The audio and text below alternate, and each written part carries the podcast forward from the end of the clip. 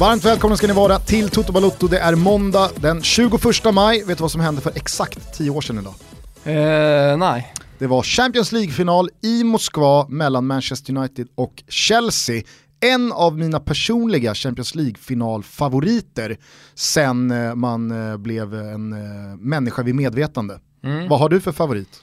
Oj, eh, nej, men självklart Liverpool-Milan är, är en sån stor favorit. Eh, man kommer ihåg Manchester Uniteds eh, ja, vändning när Solskär kom in. Eh, det var ett skönt Manchester United-lag på den tiden också. Eh, jag menar, kollar man på storlagen idag, så här, City, Barca, Real, det känns som att det är större, ännu större liksom, profiler i lagen. Det känns som att Manchester United, eh, de, de, de var på riktigt sådär på på något konstigt sätt. När du säger Liverpool-Milan så antar jag att du menar 05-versionen. Inte 07.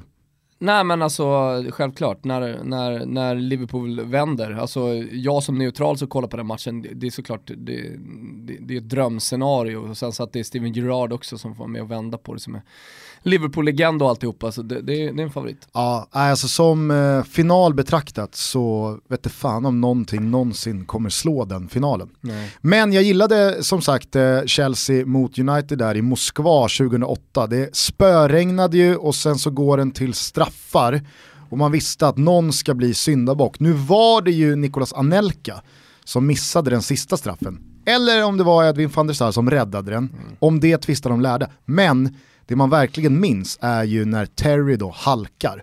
Som har varit med på hela den här långa resan från Chelsea som en typ av klubb till att ha gått och blivit någonting annat på inte speciellt många år. Det var ju bara, ja, vad kan det här vara då? Fem år efter att Abramovic trädde in i klubben, sex år efter, så skulle man då kröna det med en Champions League-buckla i Abramovic hemland, men John Med Terry... interimtränare. Exakt, Avram Grant. Den gamla blodhunden. Eh, men Terry halkar på straffpunkten, missar och sen så slutar det med att Sir Alex eh, återigen knäpper ett engelskt lag på näsan. Har du eh, nåtts av nyheten förresten att eh, Abramovic inte har fått förnyat visum i Storbritannien? Nej. Ja visst vet du. Det är ju... Jag vet att han har ett superhus i, i Chelsea med typ så här, åt, ja, men, fyra våningar, hiss och alltihopa. Ja, jag ska inte alls säga att jag har stenkoll på den här diplomatkonflikten som har ja, blossat men upp. Framförallt så har du inte koll på visum och pass och hela den biten. eftersom det inte var speciellt länge sedan du trodde att du kunde åka på, med körkort till Storbritannien. Hur som helst, du har hängt med i alla fall de senaste månaderna Ah, ja. så har det varit massa, liksom, folk har tagit hem Jo. sina eh, ambassadörer och stängt ner de- ambassader i Ryssland kontra England och, och så vidare och så vidare. Och nu har ju då eh, Storbritannien inte förnyat Abramovic visum i landet. Det var därför han inte kunde vara på plats på Wembley, fa Cup-finalen i helgen. Har han blivit tagen då eller vad hade hänt? Jag vet inte. Nej. Men, det, Nej, känns, ver- inte, det, men- det känns verkligen som att det, det är så här ett fuck you lite för långt. Ja, nej men exakt. Det, är ju, det, är ju hel, det hela är ju en sån här The Americans, jag vet inte om du har sett den serien, handlar om ryska spioner på, under kalla kriget på 80-talet. Det är helt grym jävla serie, ni som inte har sett den eh, har ni ett supertips här. Eh, men det är ryska spioner då som, som är en, en vanlig amerikansk familj. Eh, och då är det ju mycket så här, ja men du vet, folk ska dö, de förgiftas och ja men på alla möjliga olika sätt tar de koll på folk. Det försökte de ju göra då med med en rysk avhoppad agent som bodde i Storbritannien. Det var väl det som fick det hela att blossa upp rejält. Liksom. Alltså det var väl något riktigt sjukt att de hade smetat någon eh, dödlig eh, Ja, eh, syra på dörren. ja. Varför pratar vi om det här? Ska vi inte prata om fotboll? Jo, men vi var ju på att Just det var tio år sedan Ja, eh, som ja. eh, Manchester United slog Chelsea då, i Champions League-finalen. Men vi kan lämna det därhän. Eh, skriv gärna in vad ni har för personliga, Favoritspioner från Ryssland. nej, men vad ni har för personliga favoritfinaler från Champions League. Kan vi få igång en härlig diskussion, tror jag. Skitsamma, hur är läget? Eh, mycket bra, mycket bra. Lite, lite trött faktiskt. Jag sover lite de senaste två veckorna för jag har suttit och eh, slutfört arbetet med Expressens VM-guide. Otroligt roligt arbete, otroligt... Eh, alltså det, det är läskigt att gå in i den VM-bubblan som man går in i när man gör en guide. För att du, du, du måste in, annars klarar du inte av arbetet. Alltså du, du, du måste sluta... Eh, du, du måste ta bort allting annat och då, då menar jag liksom familj och vänner och hela den biten eh, för att överleva ett sånt arbete. Och eh, jag, jag, jag går in i det alltid med lite så här skräckblandad förtjusning. Jag trivs där inne, jag älskar att sitta och grotta ner mig i lagen. Eh, men nu då när vi eh, i stort sett är klara, när man ska gå ur den här bubblan så inser man ju att man har glömt bort några här på vägen. Eh, så man är ju inte världens mest populära människa. Nej. Nej. Det är en delikat uppgift du och eh, ni andra på Expressen har, framförallt med att sätta getingbetyget. Det är få saker som engagerar läsare och fotbollskonnässörer ja. mer än att jämföra spelares olika betyg. Och det är ju, det här har du och jag pratat tidigare om, för länge sedan, kanske till och med eh, i Toto Baluttos linda. Eh, nej men det är ju väldigt svårt i och med att ska man jämföra relativa spelare med den absoluta världstoppen, ska Messi vara själva då prejudikatet för en femma mm. i även Sveriges trupp, ja då är det ju svårt att någon ens ska hitta in ett betyg över tre. Ja, och det, det blir nog tufft för de svenska spelarna att titta in ett betyg också. Men, men... Kan, du, eh, kan du vara så transparent att du har eh, drivit eh, motionen kring att mm. få ge Cristiano Ronaldo och Messi sex getingar hela vägen upp till toppen, nämligen chefredaktör Thomas Mattsson. Jajamän. Uh, fick inte igenom det. Uh, det är ju såklart en begränsad betygsskala 1-5. När man läser en sån här guide så måste man inse att det finns starka fyror och svaga, svaga fyror. Uh, och det, det, är jag alltid ganska tydlig med när jag gör ligaguider och, och mästerskapsguider och sånt där. Alltså det, det, det, måste ju folk ha med sig in, att det, att det som sagt finns både starka och svaga. Eh, sen, sen tycker jag att det är ganska enkelt. Eh, sen är ju mitt, alltså jag är ju facit. Det jag, det jag sätter, så är det. Härligt, hörru du får gärna stanna kvar lite i den där inför VM-bubblan för att mm. Tutski Balutski rullar ju på tillsammans med Svanemar här nu kommande veckor. Tack så jättemycket för allt, eh, alla ja, trevliga ord och ryggdunkar kring eh, våran nystartade VM-podd. Den kommer fortsätta hela vägen till, eh, till mästerskapet börjar och vi har massa sköna lag kvar. Fortsätt lyssna, den ligger här i samma flöde som, som Toto Balutto så det är enkelt. Och vi kan väl återigen då påminna om att det kommer nya avsnitt varje Toto Balutto-fri dag. Så är det och eh, fri vardag ska sägas, inte på helgerna för då har vi märkt, då är det ingen som vill lyssna på, eller inte så många i alla fall i förhållande. Fast jag har gjort en liten eh, fingerräkning i kalendern alltså. och noterat att vi kommer nog behöva skicka ut lite helgavsnitt också. Ja, vi ska hinna klart innan första matchen sparkas igång där borta i öst om eh, drygt tre veckor. Ser mycket fram emot att göra Saudiarabien faktiskt. Många tror att det där är, det är inget kul, men, men jag hittar, hittar lite härliga pärlor borta i Saudi. Vill du höra vad som har hänt i helgen? Ja, ah, herregud, kör. Vissla Kimpa. På Wembley så fick Antonio Conte sista ordet i den väldigt långa och till viss del också tröttsamma konflikten med José Mourinho. 1-0 i eh, fa Cup-finalen och eh, tung buckla nummer två till Conte som nu tar vägen, ja, var då någonstans? I Serie A's avslutande omgång fick vi ett potpurri av fotbollens alla olika beståndsdelar, sömniga icke-matcher som inte betydde någonting, potentiella överlevnadsmatcher som aldrig blev speciellt spännande, tårfyllda avsked och så den kanske mest dramatiska Champions League-matchen i mannaminne, den mellan Lazio och Inter. Förutsättningarna var enkla, förlust eller oavgjort och Inter och Spallettis bortslarvning av selplatsen hade inte kunnat gå att beskriva på något annat sätt än skamlig. Vinst och en svajig säsong skulle ändå sluta i dur med hopp om framtiden. Lite samma visa var det för det ljusblå hemmalaget, en säsong som länge lovade så mycket skulle trots allt få slutbetyget strålande om fjärdeplatsen landats. Men uttåg på straffar i koppan, ett megahaveri mot Salzburg när vägen till final i Europa League låg öppen och så en tappad CL-plats i ligan skulle naturligtvis inte generera i toppbetyg. Hur det blev? Ja, Lazio ledde välförtjänt med 2-1 när det återstod 20 minuter, men när succétränaren Simone Inzaghi valde att ta av Immobile istället för den röda kortjagande Lulic rynkade många på pannan. En utvisning och två intermål senare var kapsejsningen ett faktum. Som vår gode vän Siavush Falai uttryckte det, den största anledningen till att Inter spelar Champions i höst är att Lazio är det enda laget som är mer Inter än Inter själva. I Spanien förändrades inte tabellen nämnvärt när den sista La Liga-omgången gick i mål. Däremot fick vi se Andres Iniesta en sista gång i Barcelona-tröjan, Xabi Preto en sista gång i Sociedad-tröjan och Fernando Torres en sista gång i Atletico Madrid-tröjan. Värdigheten i deras avsked, rent estetiskt och visuellt, skilde sig avsevärt och Iniesta undrar nog fortfarande vem som bokade DJn, rökmaskinerna och laserstrålarna får man beställa in en skållhet skolgulasch Tompa. I Serbien och Belgrad firade Röda Stjärnan ligatiteln genom att bränna ner sin egen paradbuss. I Frankrike löste Ätjå en kvalplats upp till Ligue 1 efter fyra röda kort i förlängningen och seger på straffar mot Le Havre. Och i Italien löste Parma en direktplats till nästa säsong Serie A. Vilken orörd kraftsamling och comeback! Störst hjälte av dem alla är väl ändå lagkaptenen Lucarelli som varit lokförare på återtåget. Allsvenskan då? Ja, AIK vann ett tight och ganska målchansfattigt Stockholmsderby med 1-0 efter en omdiskuterad straff. Bayernlägret var 100% övertygade om att det inte var straff. Gnaget-lägret, tvärt emot. Toto Balutto efterlyser som vanligt nyanser, lämplighetsskala och tårtskalan. Malmö FF studsade tillbaka upp på vinnarkusen hemma mot Häcken och Daniel Anderssons hittills utskrattade mångmiljonsvärvning Bonke Innocent stod återigen för en kanonmatch och prisades som matchens bästa spelare. Östersund vann Norrlandskampen mot Giffarna, Peking puttrar på i toppen och Sirius ser mer och mer ut att bli fast förankrade i botten. Avslutningsvis dyker vi ner i norrättan, där har nämligen Ragge Ranegi pytsat dit den för andra matchen i rad och hans Syrianska har på sju matcher skrapat ihop nio pinnar. Tälje kebab! Ja, ja! Den goda såsen! Ja, ja! Isbergssallad! Du kan det! Isbergssallad! Ja, ja! Goda köttet! Ja, ja! Pitabrödet! Ja, ja! Isbergssallad! Ja, isbergssallad igen. Ja, ja, den kommer igen. Okej. Skjut i målet! Ja, det var det. Vad fastnade du för? Eh, ganska mycket, men jag kan väl börja med den här lasershowen, för jag har faktiskt sett den nu precis innan vi gick, ut, eh, eller gick in i studion.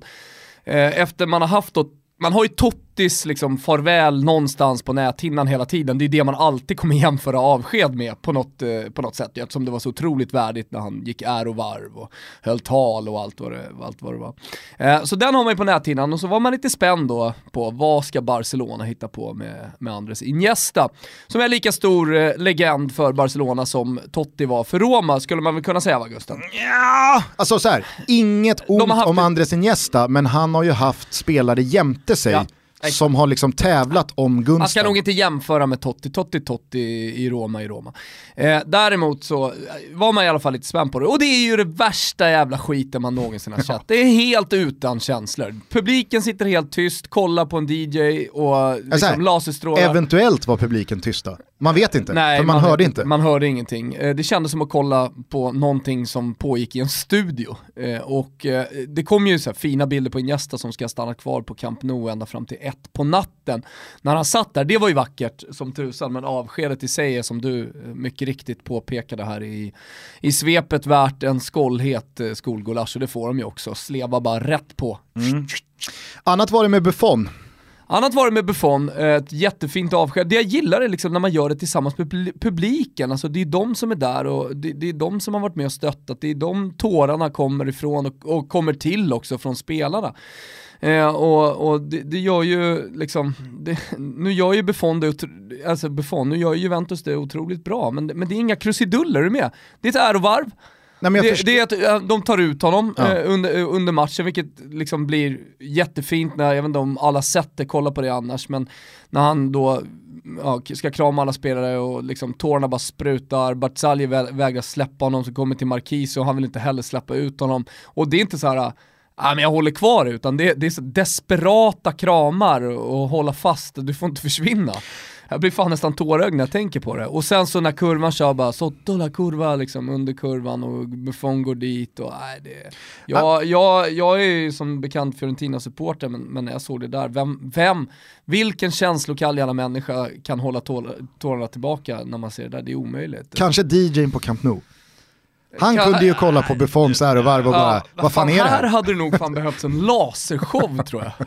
Här hade det behövts lite jävla kräm i lurarna. Ja, visst. Ge mig ett mixerbord så ska jag Nej, så- lösa trycket. jag menar- Nej, men jag, jag ska bara säga det, jag förstår faktiskt inte hur man som klubb i en sån här situation kan tänka någonting annorlunda.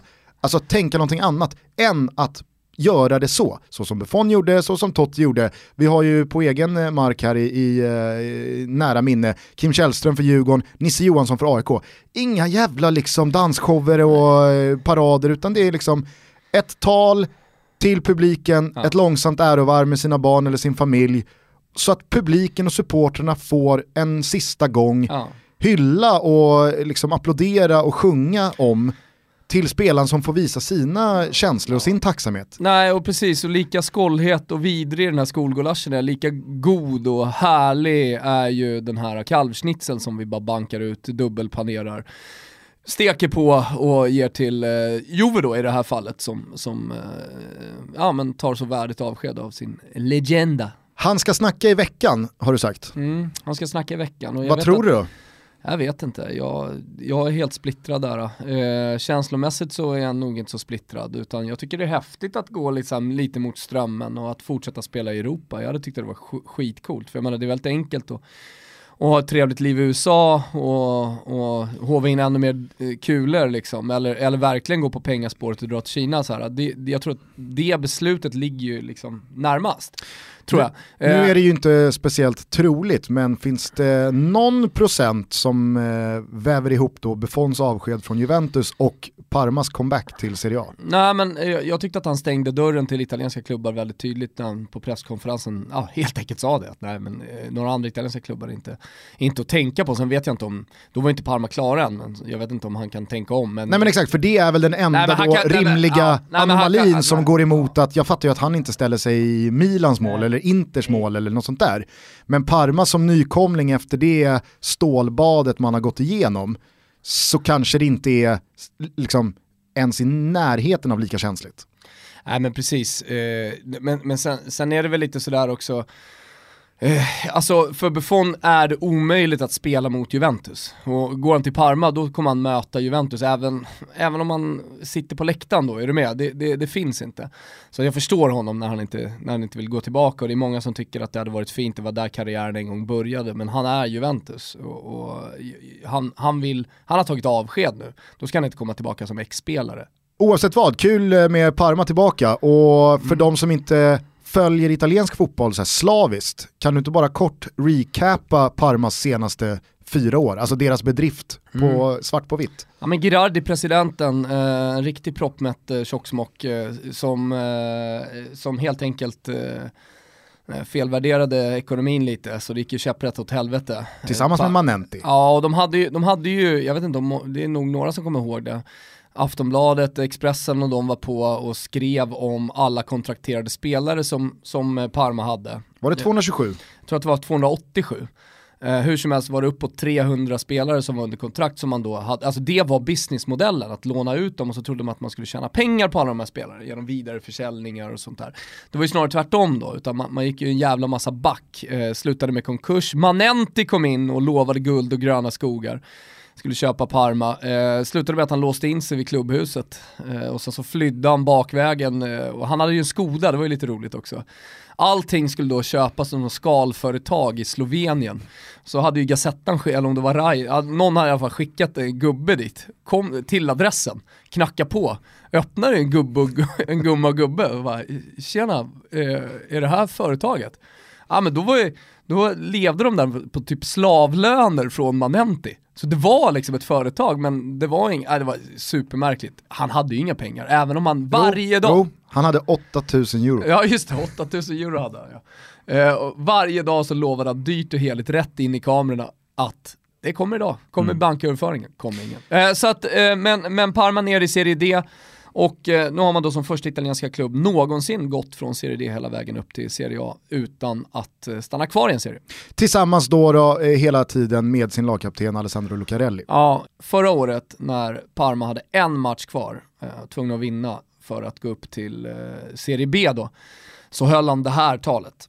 C'è sacrificio, c'è tutto quello che ci ha portato a giocarci questa partita oggi. La Serie B è là fuori, 90 minuti, dove dobbiamo dare tutto quello che c'è, ogni energia, ogni, ogni forza, tutto quello che è rimasto lo diamo oggi. E dove non arriviamo con le gambe, ci arriviamo con il cuore, perché ce lo meritiamo, perché siamo un gruppo vero, e abbiamo mangiato merda tutto l'anno per arrivare qui. E ora bisogna farli ricredere tutti. Un'ultima cosa, non so se avrò la possibilità di riprovarci io, quindi mi dovete far favore. Oggi mi dovete portare in Serie B. Una per tutti!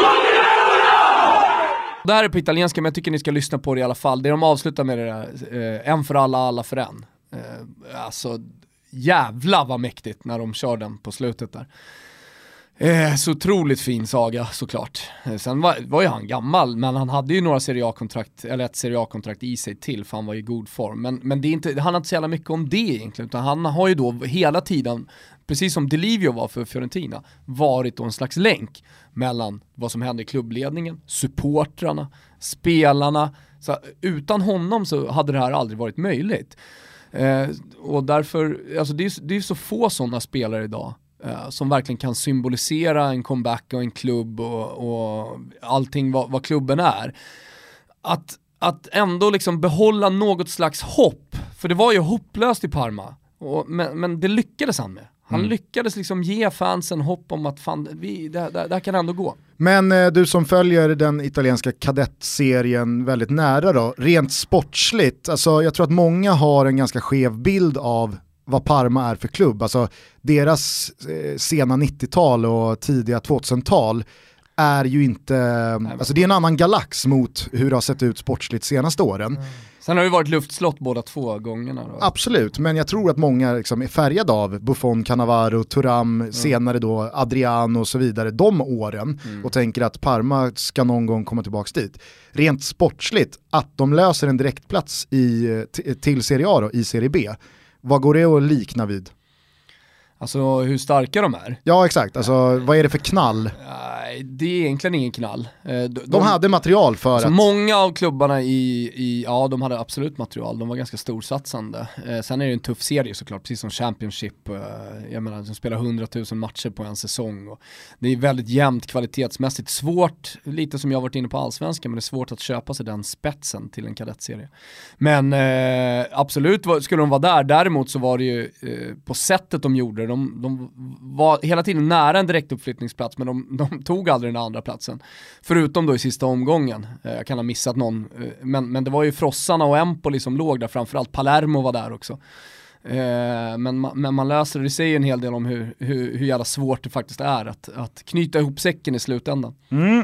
Eh, välkomna tillbaka till Serie A då, fina mm. Parma. Kan vi väl skicka ut en liten eh, gratulation också till eh, Dalkurds presschef Gian Dalaba. Mm. En av få Parma-supportrar i det här avlånga landet som har hållit fanan högt ja. trots ett par tunga år. Ja verkligen, man har kunnat följa honom, följa honom på Twitter, han twittrar mycket om Parma. Förutom Dalkurd då, där är det inte lika rolig, rolig läsning. Nej, det får man sannoliken säga. Vi är sponsrade av våra kompisar på Neckwear och eh, du sitter faktiskt dagen till ära dressad i en av deras superfeta ja. kammoskjortor. Ja, den är faktiskt från Tiger just den här skjortan eh, och man tänker kanske att den är lite för ungdomlig för mig, men det är den inte utan den passar alldeles utmärkt Gustav. Ja. Tiger har de, de har även eh, Morris, Eton, Stenström. Ja, och det, någonting som slår mig med deras skjortor, jag har beställt några här nu för jag tänker jag ska uppdatera mig. Det är ju, det är ju att det är väldigt mycket eh, mönster på skjortorna, alltså det är mycket, jag skulle säga Florida-inspirerat, fattar du vad jag menar då? Jag tror det. Ja, mycket färgglatt och, och sådär. Och jag gör ett försök att, äh, att komma i de här skjortorna, men hur tycker du det ser ut? Det sitter ganska bra väl? Ja det får man säga, ja, verkligen. En, li, en liten knapp för mycket öppen, det gillar jag. Men camo är ju camo, det ska kamouflera Nej. fienden. Ja, så eh, jag klickade också hem några skjortor och det var ju väldigt eh, snabb leverans, det är fria returer, Japp. snyggt paketerat. Så att det, är väldigt enkelt att handla väldigt snygga, framförallt då skjortor, på neckwear.se. Använder ni er av koden TUTTO så får ni dessutom 20% rabatt på hela sortimentet. Ja men det är ju drömrabatt, det är bara att gå in rätt på att uppdatera era garderober med ett par sköna skjortor på neckwear.se. För nu väntar ju studentskivor, det väntar ja. studentmottagningar. Det är, säkert, Bröllop. det är säkert någon som får för sig att döpa någon liten unge så här i värmen ute på någon brygga. Så man blir helt tokig, lägga en lördag på det. Ja. Men då vill man i alla fall vara snyggt klädd. Eh, sen så kommer ju, herregud, Tutto-VM. Ja, då ska man vara snygg. Eh, så att eh, det finns många occasions här nu framöver att eh, klä sig stiligt. Eh, gå in på neckwear.se och jag lovar er att ni får väldigt bra hjälp till att lyckas med den ambitionen. Tack till Neckwear!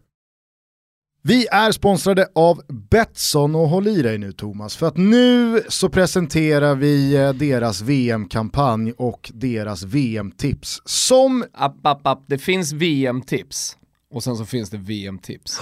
Det finns ett enda VM-tips som ni behöver fokusera på och lyssna nu på Gugge för det här är någonting i hästväg. Ja men för jag skulle precis säga det, som jag vågar lova, brädar alla VM-tips som dels har varit men kanske också som någonsin kommer att komma. Och det skönaste är, att det är superenkelt. Ja det är det verkligen. Vill du börja med kanske att säga vad som ligger i potten? Alltså jag gillar ju att använda uttrycket yard. är alla med på det eller? Ja, Ja. och då pratar vi inte om Nej. det engelska Nej. måttenheten.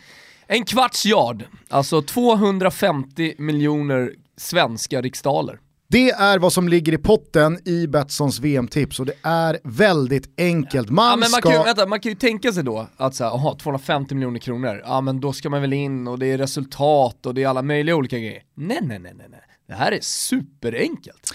Man ska sätta ettan och tvåan i varje grupp i VM och sen så ska man helt enkelt sätta vilka som då utifrån det givna slutspelsträdet som eh, är redan spikat då går vidare från åttondelsfinalerna, kvartsfinalerna, semifinalerna och vilket land som till slut vinner finalen. Det enda man behöver göra är att vara registrerad medlem på Betssons eh, svenska Det är sajt. enkelt, det är bara att gå in på Betsson.com och, och signa upp. och senast dagen innan VM börjar ha placerat minst ett spel för 100 kronor på VM. Ja, och det här håller ju såklart Betsson koll på sen när just du vinner 250 miljoner kronor. Här måste man ju vara med på, själv sitter man ju och filar va, på sina ettor och tvåor. Om du hade vunnit, vad hade du gjort då? 250 miljoner kronor, jag hade ju inte slutat med Toto i alla fall, den saken är klar. Man hade ju tagit rygg på Top Dog Raoul. Ja, ja, dragit till Mauritius. Ja, Mauritius lite här och där, Ja. nu senast, nu är han ju på Manhattan, sitter Åh, på en rooftop. Ja, det... Vet du vad man hänger med där? Vem är det där? Ja det är Lukaku. Är det sant? Visst, Top Dog Han Raoul. har, han har det bra. Hade jag haft en kvarts yard, då hade man ju bara tagit rygg på Raoul. Ja, ja, ja. Hörni, in på Betsson.com, där finns länkar till det här VM-tipset som jag tycker alla ska vara med i. Du har alltså chans att vinna en kvarts miljard! 250 miljoner Barubas. Betsson.com. Ska vi bara avhandla den här matchen då som eh, jag berörde ganska ingående i svepet. Lazio-Inter, satan vilken avslutning på en fantastisk Serie A-säsong. Ja men det var det, så kul att man får en sån match i sista omgången som ändå betyder så otroligt mycket. Champions League stod på spel och eh, ja, det kändes kört ju för Inter med, med 20 kvar, precis som du säger i svepet, att de ska vända på det. Och Lazio hade ju varit bra också. Men de har ju varit sådär hela säsongen, speciellt, framförallt på slutet, menar sättet man åker ut mot Red Bull på, Salzburg, är ju, är ju egentligen på samma sätt som man tappar den här matchen. Det, det, det ska inte gå, man ska knyta ihop säcken. Och de är så pass bra som ska klara det också. Sen finns det ju ögonblick i vissa matcher som jag är väldigt svag för. Det är ju när spelare liksom, ja men det står ju snart utvisad i pannan på dem. Ja. Och man vet, ta av dem nu. ta av den här gubben här nu för att snart så åker det röda upp. Mm. Och det kunde ju alla se. Men eh, Lulic eh, blev ju kvar på plan. Ja, ja visst. Ja, nej, jag undrar vad jag ska säga, det är, det, är- det är sjukt. Ja. Sick, sick, sjukt. Lägg in Kimpa. Ja, sjukt. Sjukt. Sick. Jag tror i alla fall att eh, det här innebär eh, ganska så mycket för båda de här klubbarna.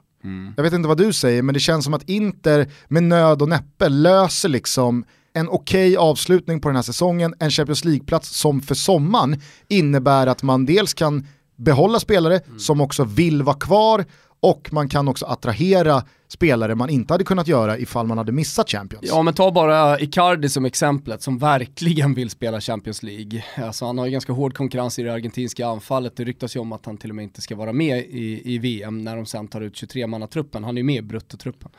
Eh, och, och för att vara där, för att spela argentinsk landslagsfotboll som anfallare 2018-19, eh, så måste man nog fan lira. Det spelar ingen roll att han gör 27-28 mål, uppenbarligen, utan då ska man lira Champions League.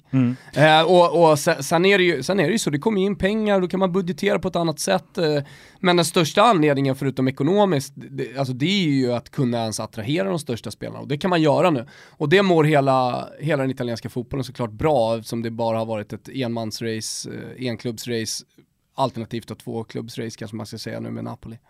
För eh, Lazio å andra sidan så tror jag att eh, det här också kan få ganska så tunga konsekvenser. Jag vet inte din eh, magkänsla kring eh, Simone Inzagis framtid, Men jag tror ju framförallt att en spelare som Sergej Milinkovic-Savic är ett bra VM ifrån att lämna. Det I och för sig för en stor... varit, ja, ja, absolut. Men ehm, att det missas Champions League, det tror jag var liksom spiken i kistan för att han kommer söka sig vidare. Mm.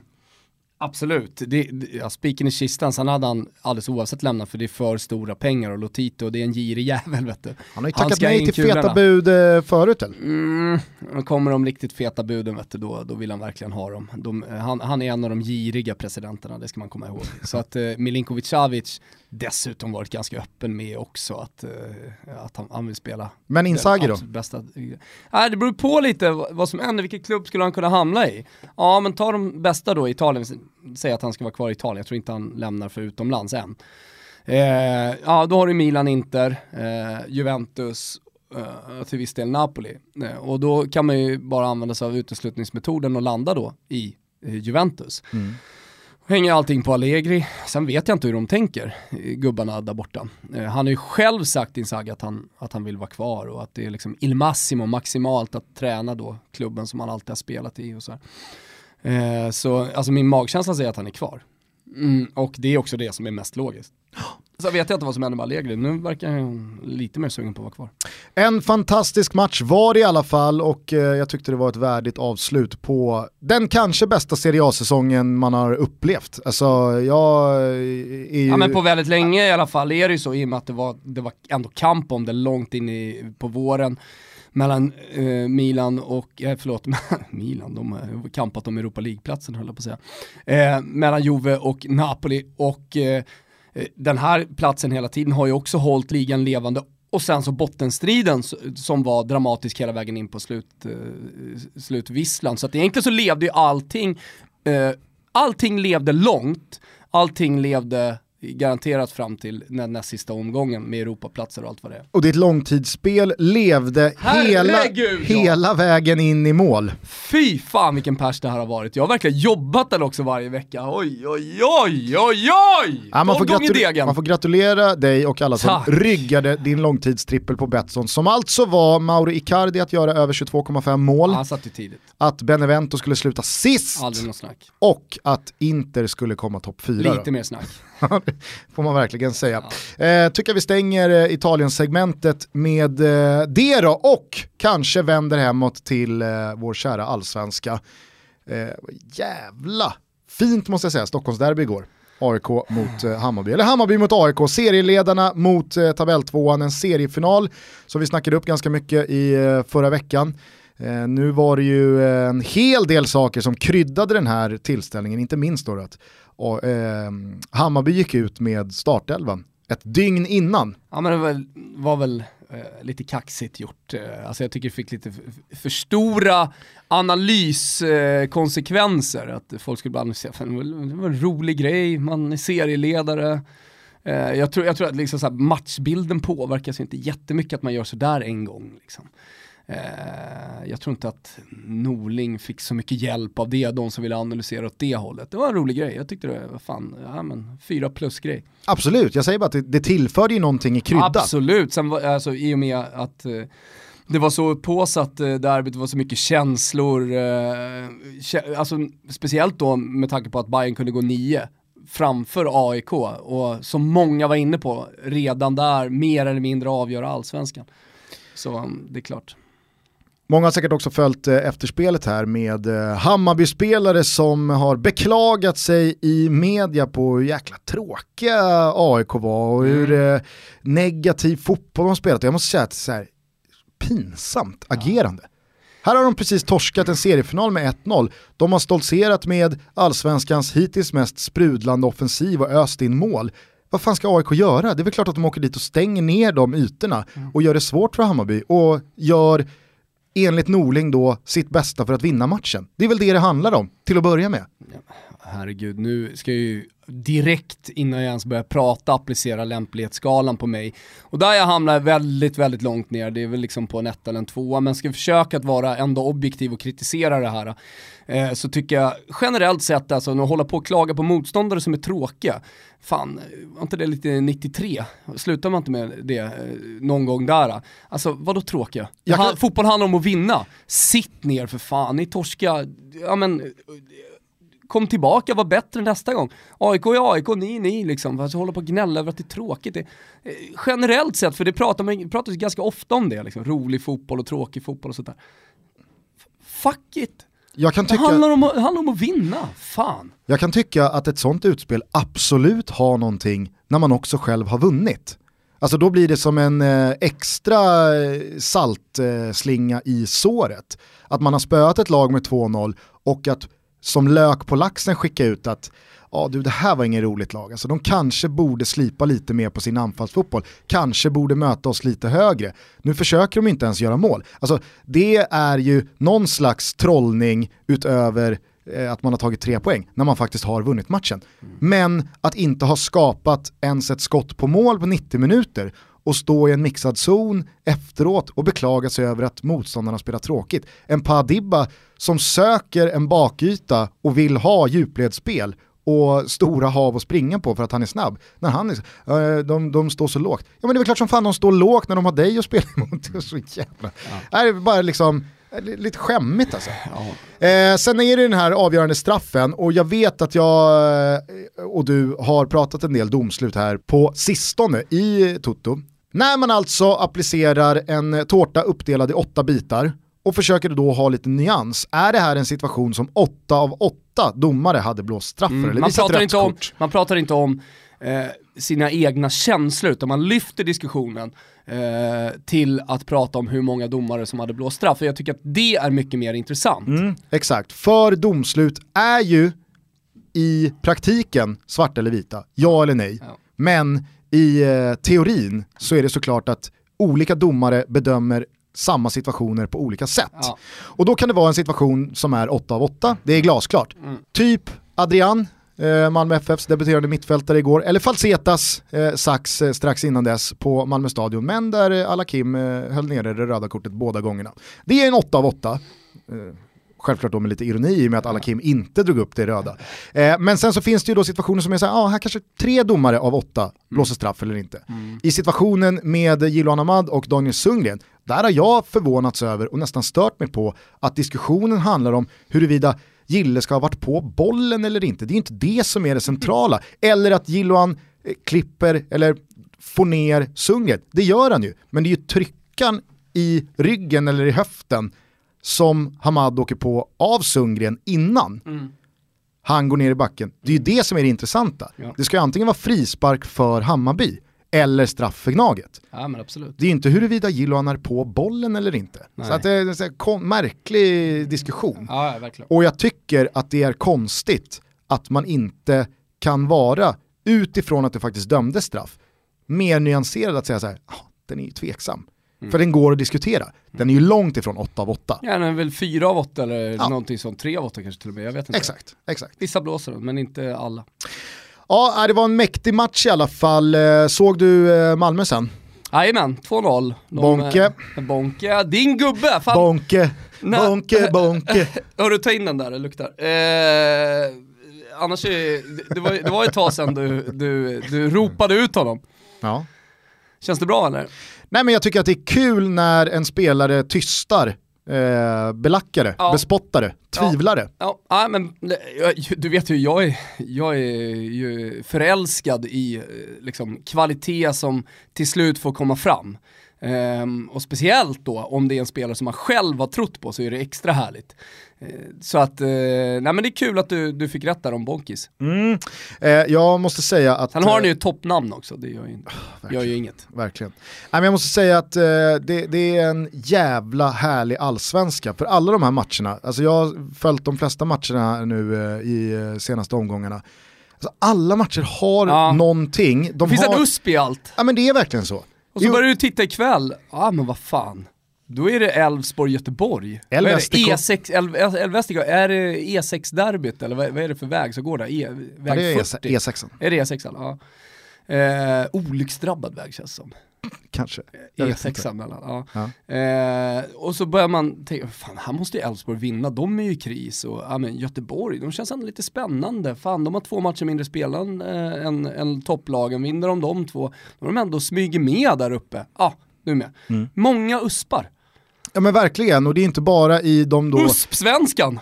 i de då större lagen, utan jag tycker liksom så här Giffarna och Kalmar och liksom den, den så uppsnackade tunga säsongen för Sirius, Sirius kontrande tillbaka då, att nej men liksom, vad, vad kommer det här ifrån? Och så blir det en bottenstrid. BP liksom har man redan räknat ut fyra gånger och så, så reser de sig upp Ja. och vinner nästa match. Ja. Eh, där finns ett Dalkurd som så här, prestationsmässigt är bra, tappar ledningarna, får inte in bollarna, nu parkerar sist. Jag tror att Asrudin Valentik eh, lever lite farligt.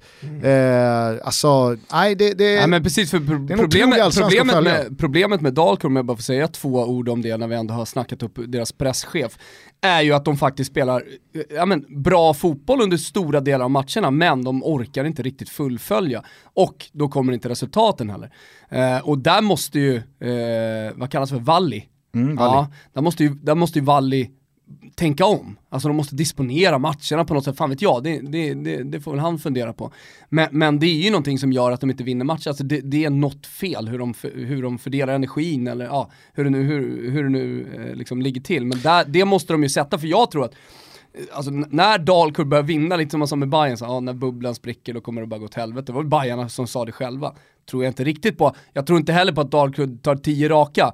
Men eh, jag tror att när, liksom, när den lilla självförtroende-boosten kommer vid en seger, då, då kan det nog ticka in lite poäng. Någonting fel känns det också kring eh, Buya Turay. Det ligger någon Ja. liten hund begraven där, för att han har inte varit med i de två senaste matcherna. Verkar inte vara skadad vad jag något, förstår. eller? Ah, det, Ah, la, la, la, vad sitter du och döljer gubben? Nej men du har ju grävt häck Ja, eh, länge här nu Ja. borta i Rönninge. ja. Så att om du åker upp till Uppsala med en spade så då, då tror jag nog att du kan hitta en liten Okej, jycke. ja, nu skickar vi ut på landets alla jakthundar till journalister på kvällstidningarna. Vi har ju som sagt eh, redan eh, både tackat för men också fortsatt puffa för våran eh, VM-podd Tutski Balutski som vi gör tillsammans med Kristoffer Svanemar. Där avhandlar vi ju varje deltagande nation, men det är ju en härlig tid. avhandlar och avhandlar, alltså vi, vi, vi grottar ner oss alldeles lagom mycket. Mm. Inte så att det blir tråkigt att lyssna, det ska vara en ganska rapp 30-40 minuter. Eh, men, men det är ändå ett grepp vi tar om, om, om varje nation. Däremot så är det ju in- inget direkt frisurr, och det tänkte jag, det kan vi ha här om VM ändå. Såklart, för det jag skulle komma till var att eh, vi nu i eh, dessa dagar är inne i den här härliga perioden när trupperna spikas. Eh, någon timme innan vi gick in i studion så kom Spaniens. Ett par dugliga fotbollsspelare som inte får åka med till VM, däribland Alvaro Morata, Mm, Cajon. Callejon. Sen så var det ju kul då att ah, Iramendi får inte följa med. Nej, det, det, det känns rimligt. Det känns Det rimligt. känns rimligt att Asier Iramendi inte ska spela VM-fotboll för Däremot så Spanien. är det ju ett B-lag, eh, precis som många av de andra toppnationerna, som hade klarat sig väldigt bra Mm. i ett mästerskap såklart. Eh, Marcos Alonso, Ja, den är tung. jag tror eh, att eh, det, det måste handla om något personligt där. Ah, jag har ingen aning. Vad- Ett läge, eller en situation där det verkligen handlar om någonting personligt är ju Radja Nainggolan. Som inte Eh. kommer med i Belgien. va? Nej, eh, och på tal om frisur, där är det ju fullt frisur nu från eh, Radja Nainggolan som, som sågar då Martinez som, som är förbundskapten. Menar på att man inte får vara sig själv, eh, då blir man straffad eh, och så vidare och så vidare. Den här dispyten, Gruppdynamikdiskussion i Belgien alltså. ja, sen så går väl den här dispyten hela vägen tillbaka till eh, en cigarettincident. Martinez stipulerade ett, ett exempel när eh, Raja hade feströkt. Ja. Han- blossar väl eh, mest hela tiden, Alltså, feströkt och feströkt. Alltså. Ninja. Där är det John Silver utan filter. Går i ett. Ja, samtidigt som då Nainggolan har kontrat med, ja men bedöm mig utifrån mina prestationer på en fotbollsplan istället. Eh, så att eh, tråkigt för alla oss som gillar Nainggolan, Han har ännu inte spelat. men jag tror att det här är ju till syvende och sist en fråga om att det finns en jäkla massa backup-spelare Ja, att täcka kolla- upp med. Det är, inte, det är inte Sverige eller eh, Portugal eller eh, vad, vad finns det fler för så här one man nation-lag? Ja, nu har ju Portugal kanske lite mer än, än vad Sverige har. Jo, fast i, Men i, i relativt med Zlatan i Sverige, Ronaldo i, eh, Salah i Egypten. Alltså, Du har Lewandowski i Polen. ja. Eh, du har eh, Lewandov- Farfan i Peru. Lewandowski hade ju kunnat rökt en limpa om dagen Ja. och han hade ju inte ifrågasatts. Nej, och sen blir det ju lite paradoxalt med tanke på att Body, nej vad kallas han? D-Body Ja, kallas han.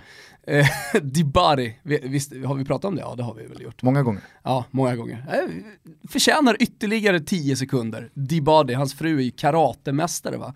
Eh, det sägs att de ska, eller hon säger att de ska flytta till, till LA.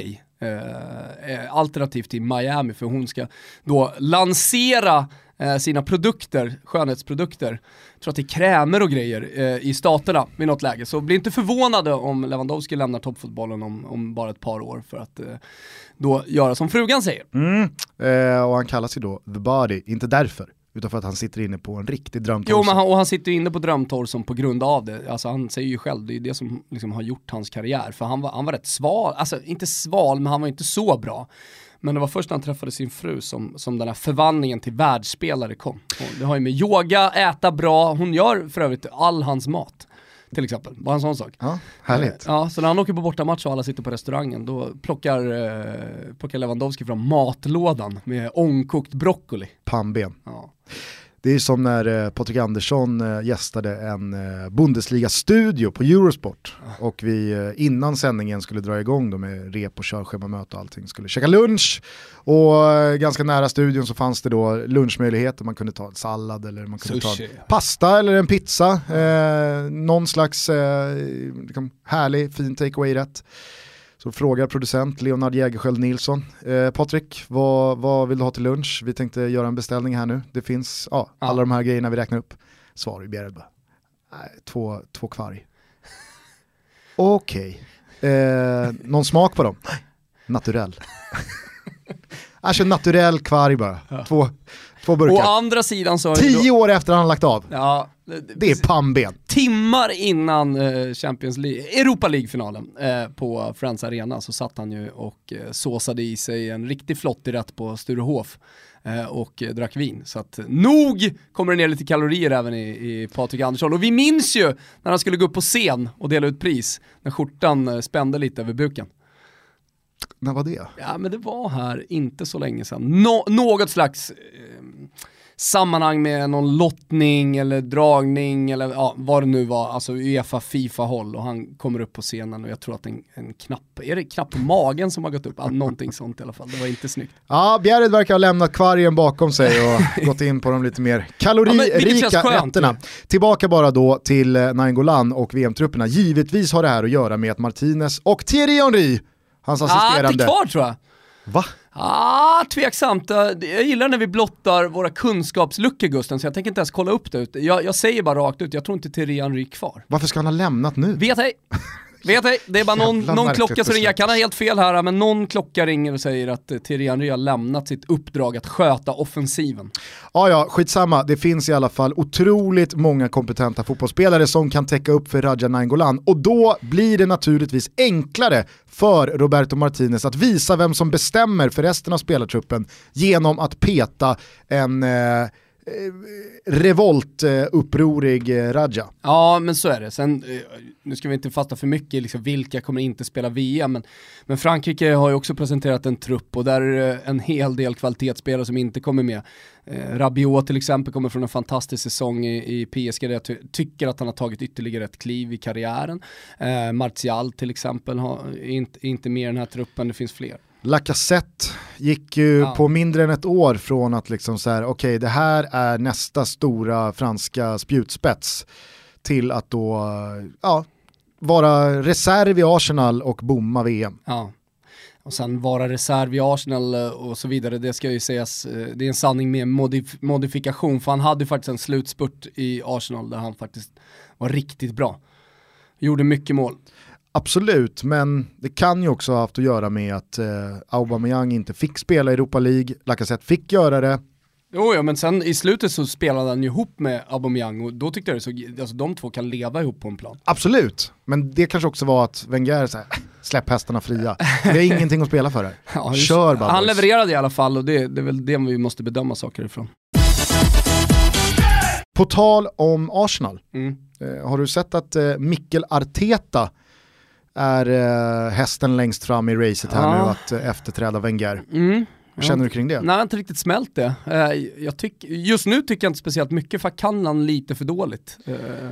Många minns säkert Arteta från planen, han spelade ju i Everton där han fick sitt eh, stora genombrott, var ett fint tandem tillsammans med Tim Cahill. otroligt. Sen gick han ju till Arsenal och eh, blev eh, de sista åren lagkapten. Mm. Uppskattad sådan. Efter avslutad spelarkarriär så teamade han upp med landsmannen Pep Guardiola och har varit assisterande till honom här nu i City i två säsonger. Och det är inget dåligt första jobb att landa som första tränare om det nu skulle bli Arsenal. Men samtidigt känner jag direkt spontant, riskabelt val. Ja men alltså, kolla på hur de stora klubbarna som har haft, som har haft tränare under väldigt lång tid, eh, alltså det är klart man tänker på Manchester United, men, men det finns andra klubbar också. Man behöver inte ha varit en Ferguson i klubben, men, men kollar man på de stora klubbarna så är det alltid lite problematiskt att byta från någonting. Och det, även om eh, Wenger inte har radat upp titlar de senaste åren, eh, så är det klart att det kommer vara en liten uppförsbacke initialt. Eh, eh så, så att jag menar så här, någon gång man ska chansa och tro på någonting långsiktigt, eh, någonting som inte är etablerat, så kanske det är nu. Um, för jag tror att det är ganska svårt att komma in oavsett hur liksom, etablerad du är i världstoppen, om du är Carlo Ancelotti eller ja, vem det nu är. Uh, att faktiskt få snabba resultat. För det är det som kommer hända annars med Arsenal, att du kommer ju förvänta dig att de helt plötsligt ska vara en titelkandidat. Uh, och nu tar man det här spåret som är en lite mildare version och då kanske förväntningarna också uh, går ner lite. Eh, och det behöver inte vara helt dumt. Samtidigt så tar ju nu Arteta risken att bränna eventuellt legacy. Eller eventuellt legacy. Legacy har han ju, men att han, alltså, han sätter ju mycket på spel. Jo men man kommer ihåg, vi pratade om det tidigare också, men när, när Roberto Donadoni gick från nyexad tränare i Coverciano till att ta över italienska landslaget efter Marcello Lippis liksom 2006 VM med en spelargeneration som var på väg neråt i, i karriären. Det Man var ju- inte så smart. Nej, och du har ju flera exempel. Clarence Seedorf eh, gick direkt från skolbänken in på San Siro och tog Milan.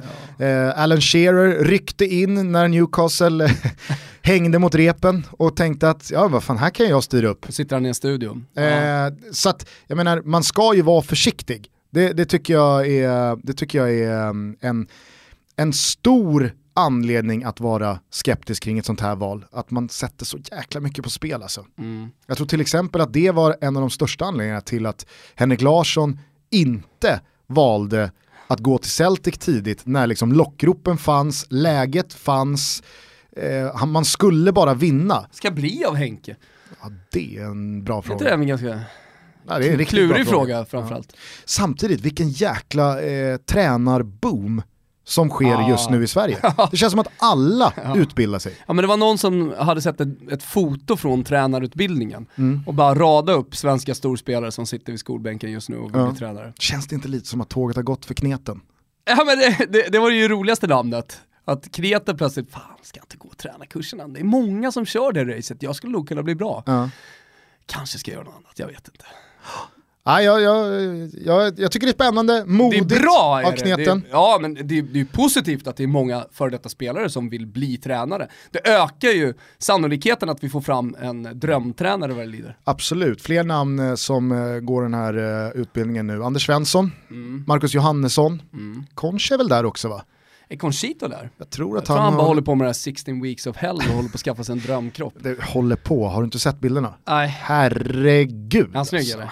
Han är ju snygg när han är småfet också. Ja men nu är det, nu är det... Svårt att hålla sig borta eller? Vad har Chile för uh, stensorter? Eh, ja, jag skulle säga att de har grön marmor utan att veta. Alltså om uh, Mjällby är liksom svensk granit. Ja, då är han chilensk grön marmor. Ja. Där, där har du en torso alltså. Fy fan. Hörru, eh, det kanske är läge att stänga ner butiken för idag. Eh, det ska vi absolut göra. Eh, tack så jättemycket till alla som har bokat in sig till vårt eh, VM-event som vi kallar för Toto-VM, eh, där vi alltså hänger tillsammans med er. Jag ser fram emot det så jävla mycket just nu. Verkligen, vi kommer befinna oss på Hotell Kung Karl, vi har abonnerat hela deras festvåning, det kommer vara topp eh, tv-apparater, toppljud, det kommer vara quiz, det kommer vara grymt käk. Det vad jag kommer ser vara mest fram emot Gu- Gustav? Vet du vad Nej. jag ser mest fram emot? Det är att ställa mig på balkongen som vetter ut mot Stureplan med våran liksom svenska fana som hänger ner för balkongen där och ta en cigg med någon riktigt skön lyssnare. I en gul och gul tisha. I en gul gul tisha. Ja, det kommer bli ruskigt nice. Eh, Sverige-eventen, de eh, tickar på som fan. Jag vet inte riktigt hur många biljetter som finns Märker kvar också till att. Argentina-Island är ett jävla poppis-event också. Mm. Så att, alltså, jag vet att det är löning om en vecka och folk kanske väntar till det, men, men alltså, har, ni, har ni en 399 över och, och, och liksom, ja, inser att det här kommer ju bli liksom D-place. Om Lewandowski är D-body så är det här D-place under VM. Så är, är det nog läge att liksom börja boka de biljetterna redan nu. Vi lovar att ge er valuta för pengarna ni lägger på Toto-VM. Eh, Biljetter till alla olika 16 datum finns via totobalutto.se och vi inleder med kanonmatchen Spanien mot Portugal fredag den 15 juni. Härligt. Hörru, eh, tack för idag. Du, tack för idag. Vi kan ju inte gå ut på något annat sätt. Efter att den här långtidstrippen eh, satt en på Amala! Fan vad du bara har fyra låtar som Patsa inte Ravala! En liten, liten lista i ditt huvud. Redemption Song, Amala, vad är den här, eh, Tina, Tina Tane? Eh, ale, ale, Ja. ale. Ja. Och så kanske du har någon låt till. Ja, Men det är någon. de som snurrar. Ja. Hur som helst, eh, tack för att ni har lyssnat. Eh, Fortsätt göra så. Imorgon kommer ett nytt avsnitt av Tutski Balutski och sen så hörs vi om några dagar där vi givetvis kommer ha lite mer fokus på vad som stundar lördag i Kiev, nämligen Champions League-finalen mellan Real Madrid och Liverpool. So long. Ciao tutti. Ciao tutti! Sai per un gol, io darei la vita, la mia vita, che in fondo lo so. Sarà una partita infinita.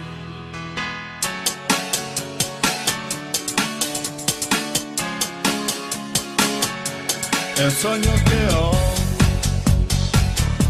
è un coro che sale a sognare, si è giù dalla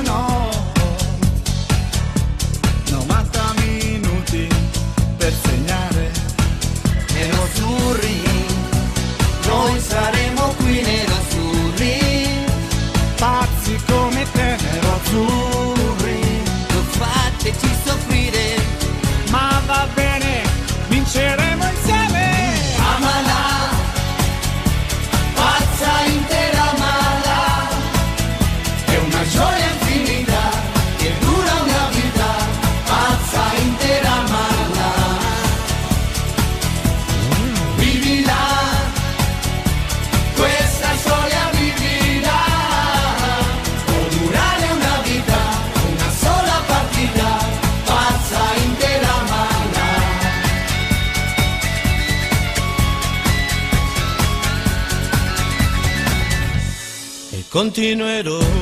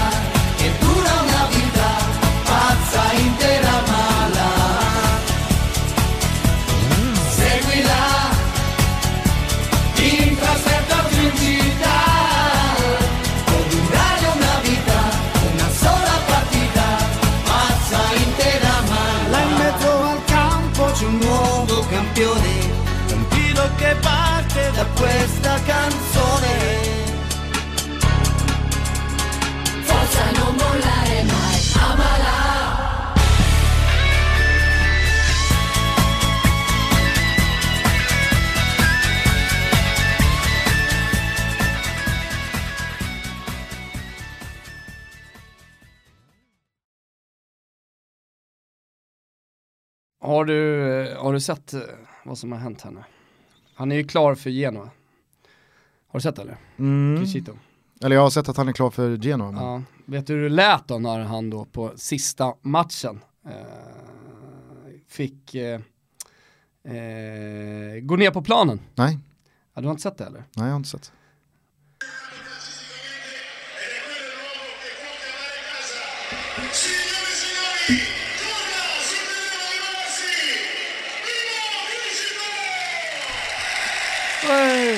Lyssna nu då. Kommer nu. Nu. Ole, ole, ole, ole. Mimmo, Mimmo. Så kör Mimmo. Det där behöver ju inte hans ego. Nej, eh, nu kommer det bara rulla på. Men som ett brev på posten, inte bara här, det är härliga dagar för Domenico Crescito. Roberto Mancini, ny förbundskapten för Italien. Tar såklart med Super Mario, känns ju bra hela vägen in i hjärtat, men det vet ni om. Men han tar ju såklart även in då Mimmo Crescito i värmen igen. Kanske herregud, blir det alltså. ett mästerskap för Mimmo, alltså undrar man inte honom ett litet mästerskap. Det hade varit fint om den där sagan slutade i moll, skada sig en månad innan. Han hade varit given på vänsterbacksplatsen, super i hela EM-kvalet. Men eh, åker åt helvete, eller att det blir ny razzia. Ja men då hade han ju i alla fall haft någonting. Ny razzia Nu har han ingenting. Nej, Han har ingenting. nej, sant. Hörni, hörs då.